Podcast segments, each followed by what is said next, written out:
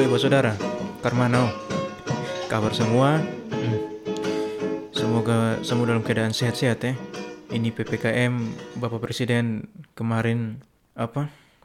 Kasih pengumuman bahwa perpanjang lagi sampai tanggal 9 Agustus.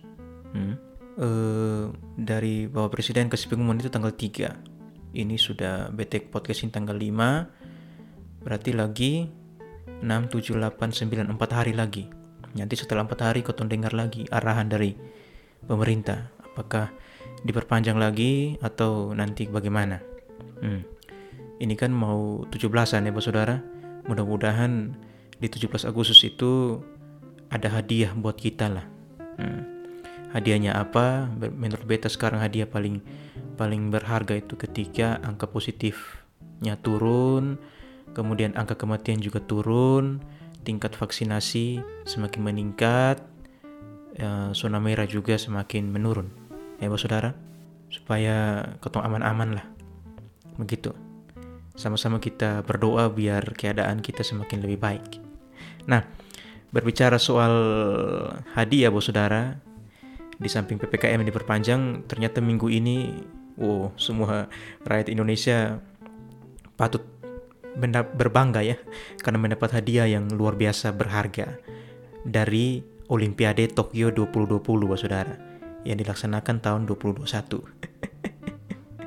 ya jadi eh, tanggal hari Senin kemarin ya di awal-awal minggu itu pada jam makan siang jam di mana orang kantoran itu pasti ada istirahat juga atau ini bapak mama yang petani pun biasanya jam-jam begitu tuh sedang istirahat di lahan juga. Makan siang istirahat sedikit kemudian baru lanjut. Nah ketika jam istirahat itu kalau di di beta pun tempat ini itu jam hampir jam satu lah. Jam 12 lewat 50 itu sudah mulai pertandingannya. Itu pertandingan uh, final cabang olahraga bulu tangkis antara ganda putri Indonesia yang diwakili oleh Gracia Poli dan Apriana Apriani Rahayu maaf itu melawan um, ganda putri dari Cina yaitu ini namanya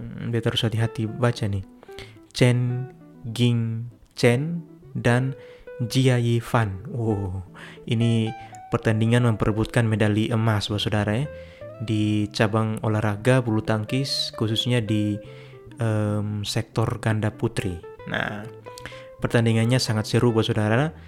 Ya, menurut beta olahraga yang paling menyita perhatian masyarakat Indonesia itu uh, selain bola kaki ya, ya yaitu bulu tangkis saudara ya. Jadi pas jam, jam makan siang orang lagi istirahat begitu dihibur juga dengan pertandingan ini dan um, seru sekali dan kenapa sampai begitu seru karena uh, ketika beta nonton ini ada kejadian-kejadian yang berpikir selama beta nonton bulu tangkis baru beta pernah lihat di hari itu. Apa saja kejadiannya bos saudara? Jadi um, di set pertama kalau tidak salah itu kejadiannya adalah racket yang bengkok. Racket bengkok ini dari racketnya pasangan Cina ini ya Kenapa sampai bengkok? Yang beta lihat itu, jadi itu posisinya momennya ketika si Gracia Poli dan Apriani Rahayu ini sedang melakukan serangan lah seperti itu ya saudara ya, ke si ganda putri Cina ini ya. Nah sedang serang-serang begitu kemungkinan karena si ganda putri Cina ini kelabakan begitu ya kelabakan untuk mengantisipasi um, serangan dari Grace dan Apriani ini sehingga uh, dong dua punya mereka punya raket itu saling bertabrakan begitu. Ketika mereka mau mengembalikan uh, smash kalau tidak salah dari um, ganda putri Indonesia ini. Dan raket mereka bertum bertumbukan seperti itu dan salah satu raket dari pasangan Cina ini sampai bengkok itu really yang kejadian yang beta baru pernah lihat sih selama beta nonton bulu tangkis. Kejadian kedua yang tidak kalah unik adalah ketika uh, bagian raket dari Grecia Poli itu terlepas. Beta kurang tahu jelas bagian raketnya apa karena waktu nonton itu beta nonton yang komentatornya bahasa Inggris.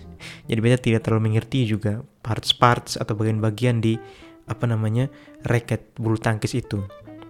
Jadi uh, raket bagian raketnya itu terlepas sehingga si Grace Gracia Poli ini harus berlari ke pinggir lapangan untuk mengganti raket.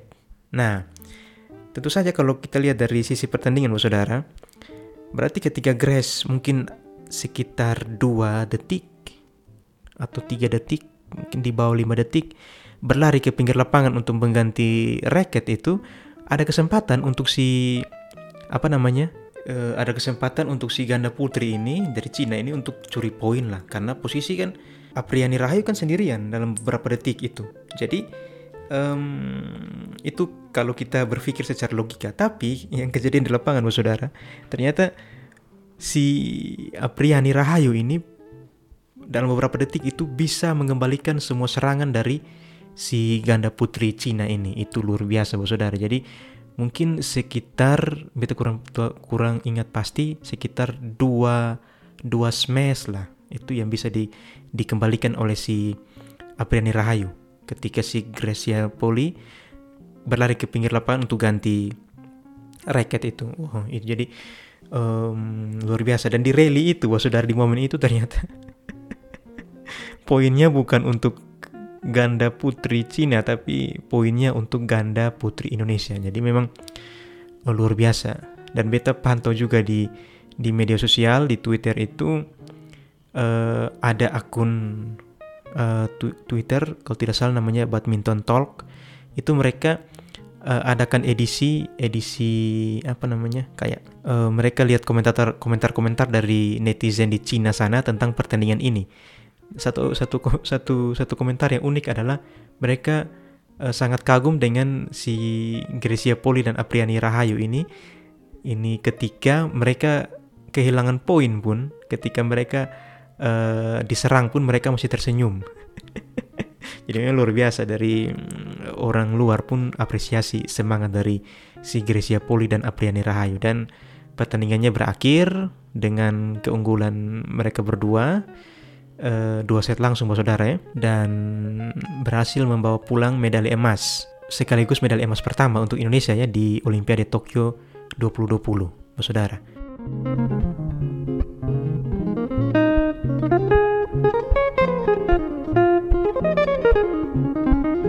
Sebenarnya di hari itu, uh, di hari Senin itu bukan hanya uh, Gracia Poli dan Apriani Rahayu yang bertanding, tapi di sore itu ada ini si Ginting ya, um, Anthony Ginting yang memperebutkan medali uh, perunggu ya di sektor ganda eh ganda sektor ini tunggal putra ya.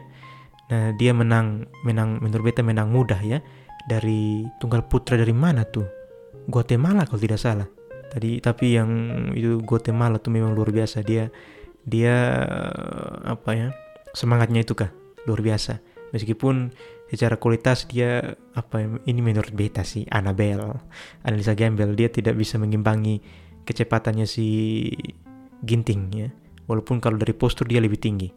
Selain si Ginting ada juga di sektor ini, sektor eh cabang sektor lagi.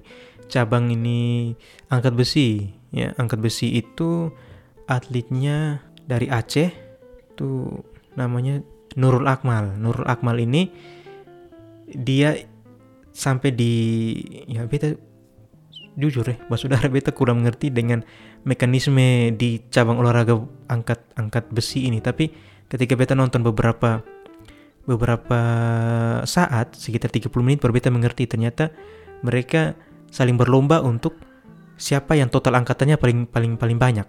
Hmm. Siapa total angkatan paling banyak dan uh, Nurul Akmal itu lifter ya sebutannya lifter uh, dari Indonesia ini dia adanya di urutan 5 ya. itu uh, finish di urutan 5 dengan total angkatan sekitar terakhir itu kalau yang beta beta agak lupa total angkatannya berapa tapi terakhir itu dia berhasil angkat beban 141 kilo kilogram. Oh itu berat bos saudara. Kita angkat beras 20 kilo saja sudah setengah mati apalagi angkat beban 141 kilo. tapi memang yang kita lihat itu wah itu yang saingannya si Nurul Akmal ini di di cabur itu luar biasa ada dari uh, Amerika, dari Cina. Oh, dari Cina itu kalau tidak salah di total angkatannya sampai di sekitar 158 kalau tidak salah ketika eh, dia memastikan untuk dapat medali emas tuh. Tapi oke, okay, dari cabang olahraga itu cabur apa angkat besi ini kan sudah ada dua medali ya kalau tidak salah. Uh, dan Nurul Akmal ini meskipun dia ada di urutan 5 tapi prestasinya luar biasa. Salut untuk Nurul Akmal yang sudah ini juga uh, mengharumkan nama Indonesia. Ya, anyway, bos saudara, uh, kita kembali ke bulu tangkis. Jadi ya itu hadiah yang hadiah di tengah pandemi ini ya, untuk untuk kita. Jadi si Grace dan Apriani Rahayu ini kayak memberikan hiburan lah untuk kita saudara. Dan sekaligus mereka ini juga melanjutkan tradisi saudara. Tradisi apa? FYI saudara ya, kalau dengar ini suara ayam berkokok itu hmm, ya itu anggap saja suara alam yang mewarnai podcast ini. Ataupun suara anjing menggonggong itu suara alam saudara. Jadi jangan oh, ini podcast kok kurang proper ada suara ayam suara anjing. Ya bodoh amat karena mereka punya hak juga untuk mewarnai alam ini. Oke, okay, saudara kita kembali ke topik. Jadi um, si Grace dan Apriani Rahayu ini ini Bapak Saudara meneruskan tradisi tradisi emas Indonesia di Olimpiade Bapak Saudara. Nah, kalau kita berbicara soal tradisi itu berarti sesuatu yang berulang-ulang Bapak Saudara, yang berulang-ulang sudah dilakukan atau diraih ya. Jadi secara hmm, continue ya, secara continue sudah ya continue ya berulang lah gitu saudara ya. Sudah sudah terjadi berulang-ulang kali begitulah. Seperti itu. Nah kita berbicara soal tradisi emas uh, Indonesia di cabang olahraga bulu tangkis saudara badminton. Ini dimulai oleh dua orang nama yang um, nama yang untuk generasi 90-an ini sangat lekat di telinga yaitu Susi Susanti dan Alan Budi Kusuma. Oh, ini pasangan suami istri juga, Pak Saudara ya. Mereka ini meraih emas di Olimpiade Barcelona tahun 1992. Oh, ini beta baru umur 2 tahun, belum mengerti apa-apa, tapi sebagai anak yang besar di tahun 90-an, dua nama ini ini pasti uh, erat sekali di telinga kita, oh, Saudara ya. Jadi si Susi Susanti dan Alan Budi Kusuma ini meraih medali emas di sektor tunggal putri dan tunggal putra ya. Beta masih ingat itu ini apa fotonya Susi Susanti itu ketika dia um, menerima medali itu itu sangat ikonik ya saudara untuk Indonesia ya. Kemudian saudara tradisi ini berlanjut bukan dari sektor tunggal tapi dari ganda putra. Ganda putra ini mulai bersinar di um, Olimpiade Atlanta tahun 96. Nah, ini oleh dua orang dengan nama yang tidak asing juga, yaitu Rexi Mainaki dan Ricky Subagja. Oh, ini nama yang uh, sangat sangat lega, sangat apa ya, akrab di telinga kita lah anak-anak 90-an. Ya, jadi mereka mendapatkan medali emas di sektor ganda putra. Selanjutnya um, lanjut lagi di Olimpiade Sydney tahun 2000 bos saudara ini diperoleh oleh diperoleh oleh Tony Gunawan dan Chandra Wijaya itu dari sektor ganda putra juga. Jadi memang di dua, dua Olimpiade musim panas di Atlanta dan um, Sydney ini Indonesia berjaya saudara di sektor ganda putra. Kemudian saudara di Olimpiade selanjutnya di Athena tahun 2004 itu ganda putra tidak berjaya tapi e, kembali lagi ganda ganda lagi sektor tunggal putra yang berjaya yaitu oleh nama yang tidak asing juga untuk kita yaitu Taufik Hidayat. Wow. Taufik Hidayat memperoleh medali emas di Athena tahun 2004. Selanjutnya tradisi ini berlanjut lagi dan kali ini si ganda putra kembali berjaya oleh dua nama yang tidak asing juga, saudara ya. Hendra Setiawan dan Markis Kido. Wow, di mana di Olimpiade Beijing tahun 2008. Oke, saudara. Tapi tradisi ini sempat berhenti, saudara, di Olimpiade London tahun 2012. Nah, di Olimpiade London 2012 ini Indonesia tidak mendapatkan medali satupun, saudara ya. Bukan hanya emas, tapi perak perunggu pun tidak dapat. Ya, bahkan di Olimpiade uh, London tahun 2012 ini diwarnai dengan insiden ya uh, didiskualifikasinya Gracia Poli ya dengan um, pasangannya waktu itu kita lupa namanya siapa. Kenapa didiskualifikasi? Karena menurut penyelenggara waktu itu mereka ini bersih apa bukan bersikap apa seolah-olah tidak serius dalam melakukan pertandingan baik itu melaksanakan pertandingan karena mereka kayaknya waktu itu mendengar-dengar menghindari untuk bertemu dengan pasangan nomor satu dunia ke waktu itu. Jadi mereka dianggap seperti itu, jadi mereka didiskualifikasi. Bahkan Gracia Poli pun pernah uh, menyatakan bahwa dia sangat menyesal, ya. Dan sudah bertentu itu menjadi apa ya motivasi juga juga untuk dia untuk lebih lebih baik, oh, saudara. Ya. Nah itu jadi di Olimpiade London tahun 2012 Indonesia tanpa medali. Tapi Indonesia kemudian bangkit, saudara, di Olimpiade Rio 2016, Rio de Janeiro ya, di Brasil. Itu Indonesia kembali meraih medali. Nah, ini dari sektor yang baru pernah mendapat medali nih, medali emas yaitu Tantowi Ahmad dan Liliana Natsir. Butet ya biasa di dipanggilnya. Oh, ini ganda campuran yang yang kalau kita nonton itu, eh kita sampai ea ea ea luar biasa ya mereka berdua ini. Liliana Natsir beberapa tahun yang lalu sudah pensiun, Bapak Saudara. Ya. Dan ya ayam lagi. ya biarkan mereka mewarnai alam ini. Oke, okay, jadi um, Tantowi Ahmad dan Liliana Natsir meraih emas di Rio tahun 2016. Nah, ini kemudian tradisi ini Bapak Saudara dan tahun ini di Olimpiade Tokyo 2020 Gracia Poli dan Apriani Rahayu berhasil melanjutkan tradisi itu dengan meraih medali emas. Dan uh, ini sekaligus menjadi sejarah saudara karena baru kali ini si ganda putri dari Indonesia ini meraih medali emas saudara. Ya, sebelumnya tidak pernah ada dalam sejarah Indonesia ganda putri meraih medali. Perak perunggu pun tidak pernah saudara. Tapi uh, karena Gracia dan Apriani ini jadi mereka pasangan pertama di Indonesia yang uh, meraih medali medalis langsung emas saudara ya. ini luar biasa dan ini juga itu yang pertama saudara yang kedua uh, dengan diraihnya medali emas dari sektor ganda putri ini Indonesia menjadi negara setelah Cina yang mampu meraih semua yang mampu meraih medali emas di semua sektor di bulu tangkis tunggal putra pernah, tunggal putri pernah, ganda putra pernah, ganda putri waktu uh, ini Grace dan Apriani.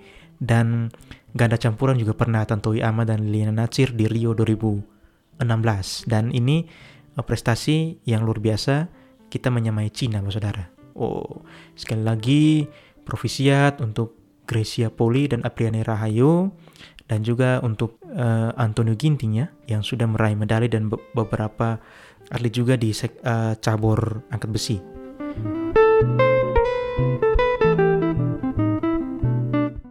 Oke, Mas Saudara. Berbicara soal olimpiade dan tradisinya, Mas Saudara. Jadi, beta kemudian baca-baca banyak nih. Jadi, uh, untuk melihat bagaimana tradisi-tradisi yang ada di olimpiade ini. Nah, ada tiga, tiga tradisi yang beta mau bagikan ke saudara. Uh, kalau tadi Indonesia punya tradisi emas di cabang olahraga bulu tangkis, si Olimpiade ini juga punya beberapa tradisi, banyak tradisi lah, tapi beta hanya riset tiga saja. ya, yang pertama itu tradisi obor Olimpiade. Nah, kalau kita bicara obor kan kita langsung berpikir oh, obor itu berarti ada api. Ya. Jadi api ini, Saudara, kalau kita tahu kan Olimpiade kuno itu kan di, di dilaksanakan di Yunani sana, Bapak Saudara ya. Itu dulu waktu SD pelajaran penjas, penjas kes itu biasa dijelaskan oleh guru olahraga tuh apa namanya hmm, Olimpiade itu dilaksanakan di Yunani. Nanti baru diadaptasi ke Olimpiade modern, Bapak Saudara ya. Nah, ternyata api Olimpiade ini, Bapak Saudara, itu erat kaitannya dengan uh, mitologi Yunani. Jadi uh, dalam mitologi Yunani itu dijelaskan bahwa api ini berasal dari uh, seseorang bernama Prometheus. Nah, Prometheus ini mencuri api dari dewa Zeus, Bapak Saudara. Jadi memang itu, Bapak Saudara, itu api itu ceritanya dicuri oleh si Prometheus ini. Prometheus ini siapa?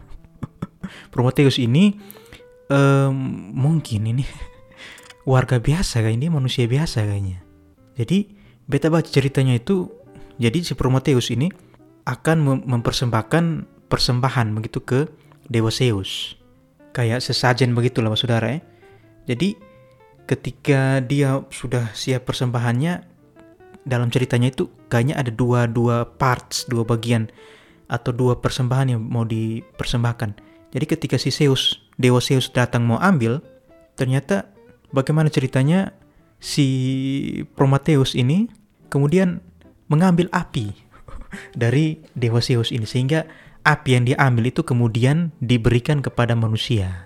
Nah, itu cerita kenapa api ada di bumi. Seperti itu, saudara. Ya. Dan selanjutnya bahwa eh, karena si Om Prometheus ini dia curi dari seorang dewa, saudara. Jadi dia ini dihukum oleh si dewa Zeus ini. Hukumannya apa? Dia diikat di batu, saudara. Diikat di batu seperti itu.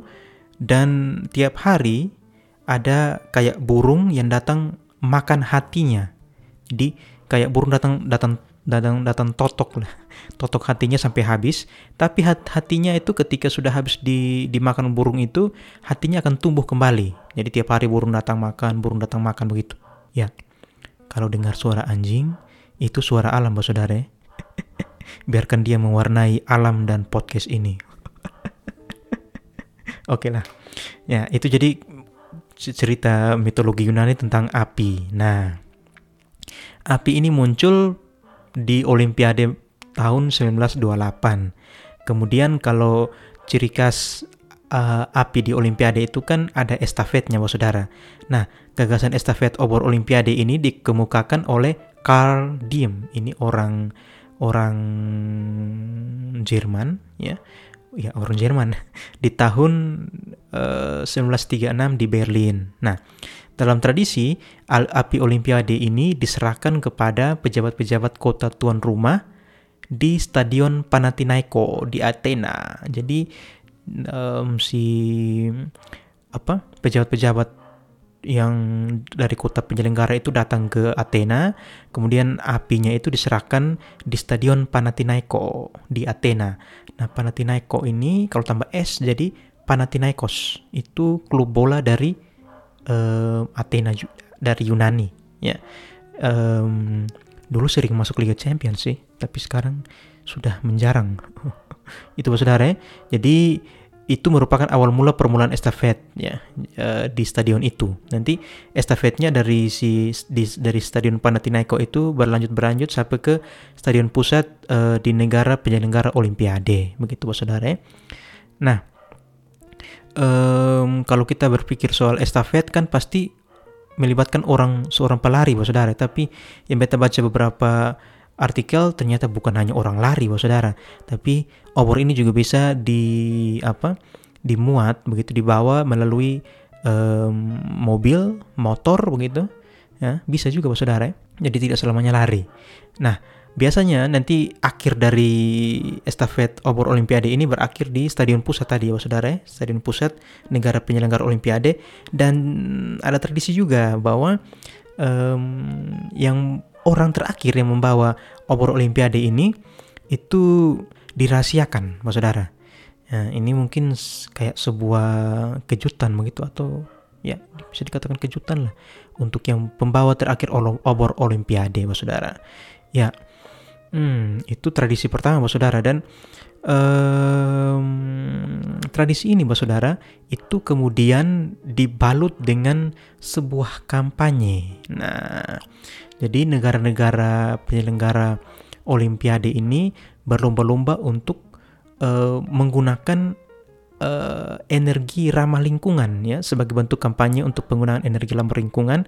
Mereka berusaha untuk untuk bahan bakar si obor ini gunakan yang uh, ramah lingkungan dan di Olimpiade Tokyo tahun 2020 ini Bapak Saudara uh, ini penyelenggaranya itu menggunakan hidrogen Bapak Saudara untuk menyalakan api di cauldron. Cauldron itu sebutan untuk tungku ya, tungku yang ada nyala apinya itu. Nah, nah e, biasanya obor ini dinyalakan menggunakan bahan bakar propana. Nah, propana ini nama lainnya minyak tanah dan juga ada magnesium, bubuk misiu, resin, dan minyak zaitun. Oh, ada juga pakai minyak zaitun ya. Kalau beta baca minyak zaitun ini beta langsung ingat ke sebuah film Godfather. Oh, kan dulu Godfather jual ini ya. Genco Corporation jual minyak zaitun dari apa Sisilia ke Amerika.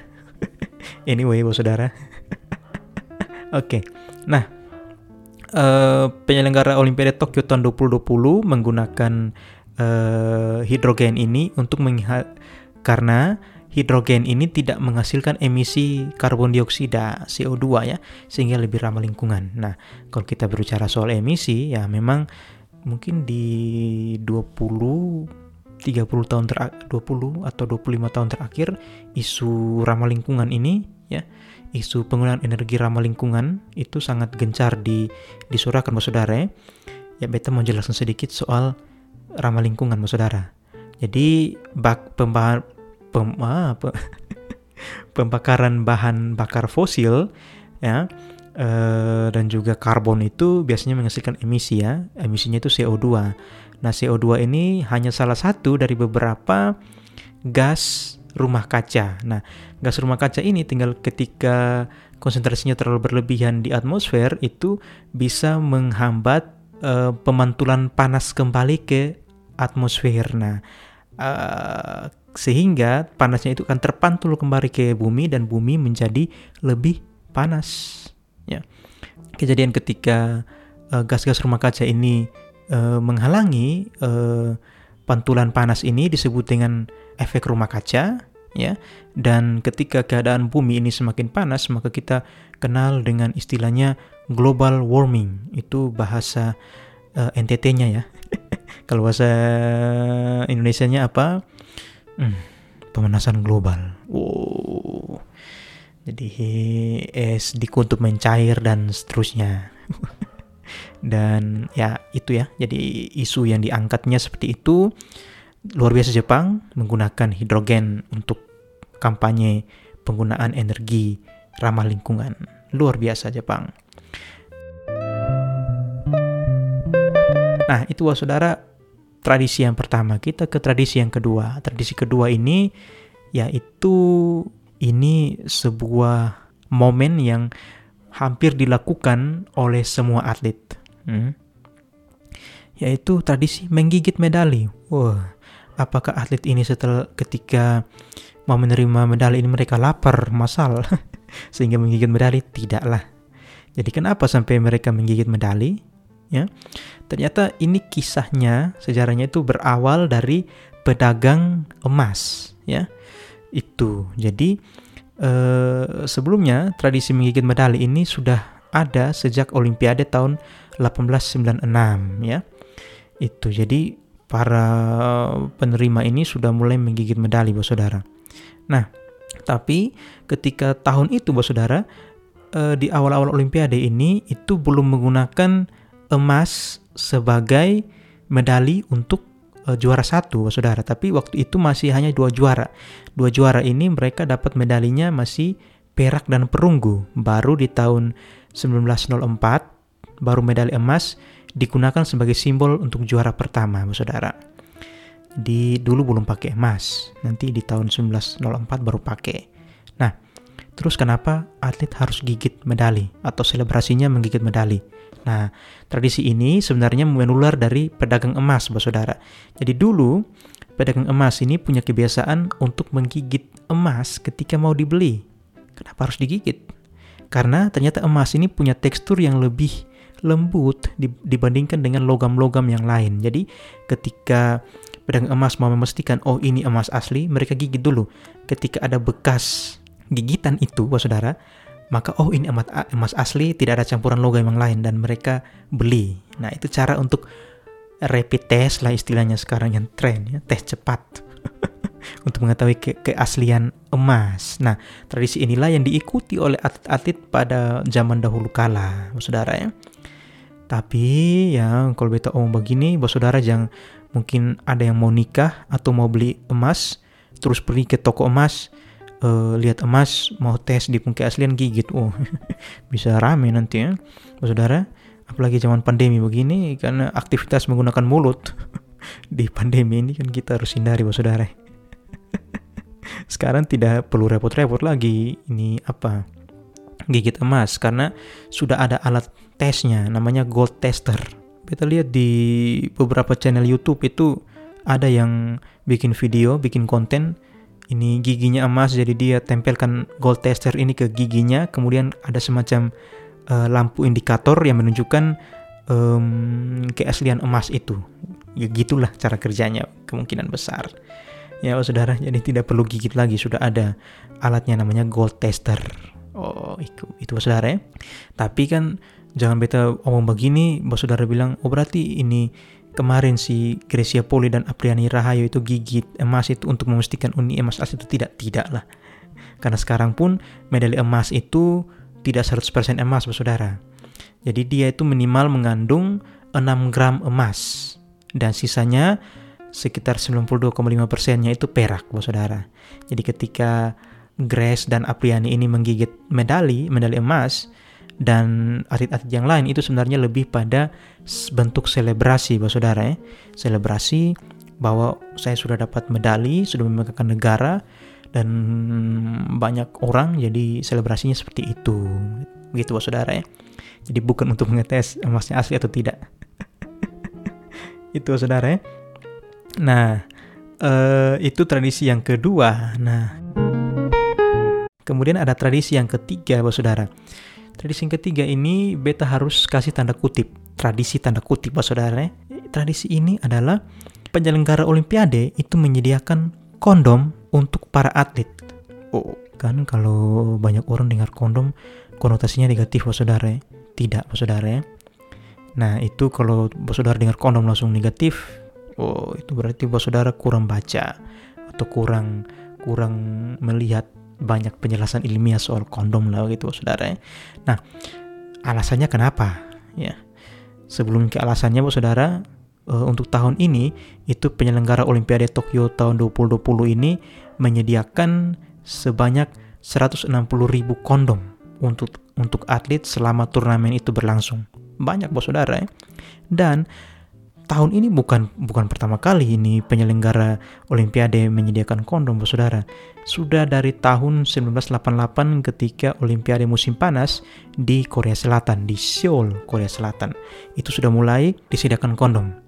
Nah, eh, penyediaan kondom ini ternyata maksudnya supaya untuk eh, penyelenggara eh, memastikan agar atlet begitu yang ingin melakukan hubungan seks itu eh, aman ya aman dalam menggunakannya dalam melaksanakannya begitu bos saudara ya. Tapi karena tahun ini ada pandemi, ada pembatasan sosial segala macam, jadi penyelenggara pun Olimpiade Tokyo 2020 ini mensarankan agar para atlet menjaga social distancing ya, melaksanakan social distancing. Jadi eh, yang kedapatan melanggar itu akan di, di dikasih sanksi begitu bos saudara ya. Dan yang beta lihat um, sebenarnya penyediaan kondom ini lebih pada bentuk kampanye, Bapak Saudara. Kalau tadi obor itu penggunaan energi ramah lingkungan di sektor peroboran, kalau di sektor perkondoman ini, Bapak Saudara, itu lebih pada kampanye untuk meningkatkan kesadaran akan penularan HIV/AIDS, Bapak Saudara. Ya, jadi hmm, kita tahu HIV AIDS ini kepanjangannya tunggu beta coba ingat Human Immunodeficiency Virus itu nama virusnya. AIDS itu nama penyakitnya. Acquired Immune Deficiency Syndrome. Wah masih masih ingat. Itu HIV AIDS saudara ya. Jadi HIV itu virusnya AIDS itu penyakitnya. Kalau COVID apa virusnya namanya SARS-CoV-19 kalau tidak salah. Kalau penyakitnya disebut dengan COVID ya. Coronavirus disease 19 itu tahun munculnya. Itu saudara ya jadi hmm, kondom tadi itu merupakan bentuk kampanye untuk uh, mencegah penularan HIV AIDS saudara jadi memang turnamen-turnamen besar ini dijadikan wadah kampanye lah saudara ya. Seperti halnya juga tadi obor ini juga untuk yang di kondom ini untuk uh, kesadaran uh, akan penularan HIV AIDS saudara. Itu lebih pada kampanye. Dan memang um, wajar saudara ya ajang-ajang uh, olahraga ataupun ajang-ajang yang lain itu dijadikan tempat-tempat untuk kampanye. Ya, saudara. Contoh lain uh, ini kita tidak bahas olimpiade lagi di Liga Premier Inggris ya. Itu karena tanggal 14 ini akan mulai kick off-nya Liga Premier Inggris.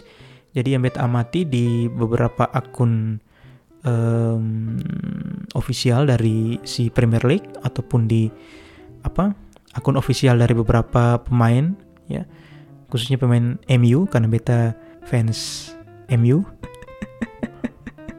tapi yang dengar podcast ini fans klub lain jangan langsung matikan ya. Ya, saya fans MU yang yang santai, bukan yang militan. Meskipun uh, saya bisa dikatakan dombanya Coach Justin lah, karena belajar banyak uh, hal tentang bola dari Coach Justin. Kemudian ada Bung Towel juga kok jadi ngomong ke bola ya.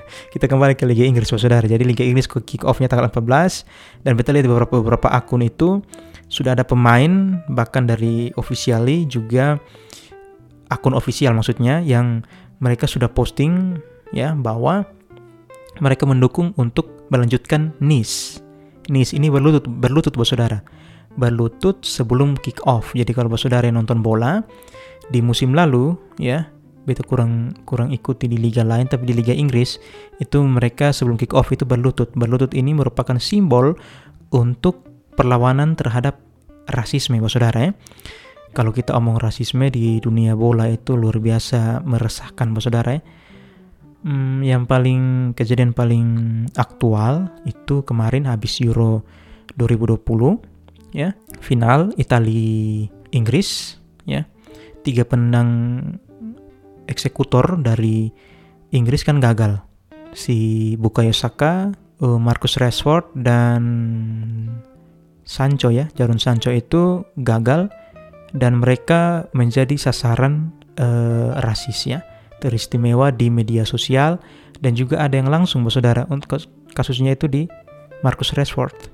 Di Marcus Rashford itu di kota kelahirannya di satu satu wilayah di Manchester itu kan di kayak di samping rumah begitu atau samping toko itu ada kayak mural yang uh, ada lukisan mukanya begitu saudara. Tapi ini lukisan itu setelah pertandingan itu dicoret-coret oleh orang yang melancarkan isu rasisme itu. Dan kemudian apa rakyat-rakyat di situ ya pendukung Rashford dan juga mungkin timnas Inggris mereka kemudian menempel kayak sticky note begitu berisi kata-kata motivasi quotes quotes um, di situ untuk menutupi uh, tulisan rasi, rasialis itu, bos saudara. Ya, jadi uh, dari situlah kemudian beberapa pemain yang kita lihat banyak akun pemain MU yang kemudian apa kayak mendukung supaya Nice ini berlutut ini sebelum kick off itu dilanjutkan sebagai upaya untuk perlawanan tetap isu rasisme ini. Dan bos saudara, eh, rasisme ini juga beta sudah pernah bahas di BSDR Podcast edisi episode ketiga ya itu ketika selesai dari um, pertandingan final Europa League ya antara MU juga lawan Villarreal itu juga pemain-pemain di setelah pertandingan itu di di diserang juga. Ya jadi beta juga mendukung sih uh, lanjut untuk NIS ini supaya semakin membumikan lah uh, melawan isu isu rasisme ini. Dan apalagi nanti di musim baru ini beta kurang tahu di liga lain tapi di liga Inggris gosipnya itu penonton sudah mulai hadir di stadion. Beta lihat juga beberapa pertandingan pramusim uh, itu juga ya. Penonton sudah hadir. Jadi kemungkinan besar ketika kick off nanti itu penonton sudah mulai uh, memenuhi. Mungkin dibatasi tapi penonton sudah hadir lah. Jadi uh, panggungnya lebih lebih luas lagi untuk nanti uh, isu rasisme ini digaungkan supaya dilawan begitu Saudara. Nah, itu berbagai kampanye Saudara yang dibalut ya di dalam event-event besar kayak Olimpiade, sepak bola, Liga Inggris, mungkin liga-liga yang lain juga ataupun mungkin di cabang-cabang olahraga lain ya kalau di tenis, di basket mungkin ya saudara yang um, apa menggunakan wadah-wadah itu sebagai tempat untuk mengkampanyekan sesuatu saudara.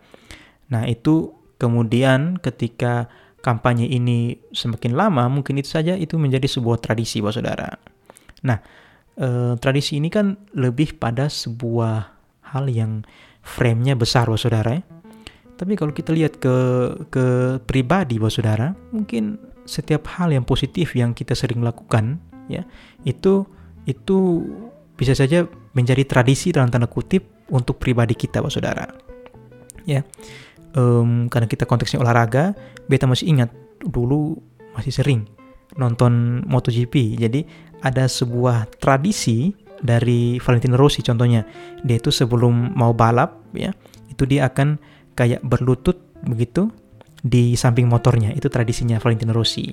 Nah, mungkin saja itu dia berdoa, Saudara ya.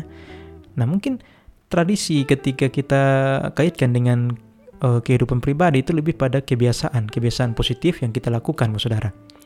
Nah, selama itu positif, Saudara, beta dukung untuk dilanjutkan ya, karena uh, kebiasaan positif itu akan membuat energi kita juga lebih positif, Bapak Saudara.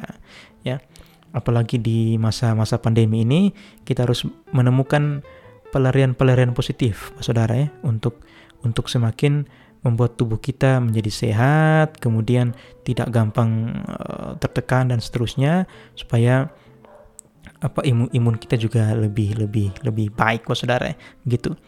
Sekian dulu BSDR podcast um, edisi kali ini. Ingat uh, jaga prokes untuk kita semua. Sampai jumpa lagi di BSDR podcast selanjutnya. Rizky pamit. Cheers.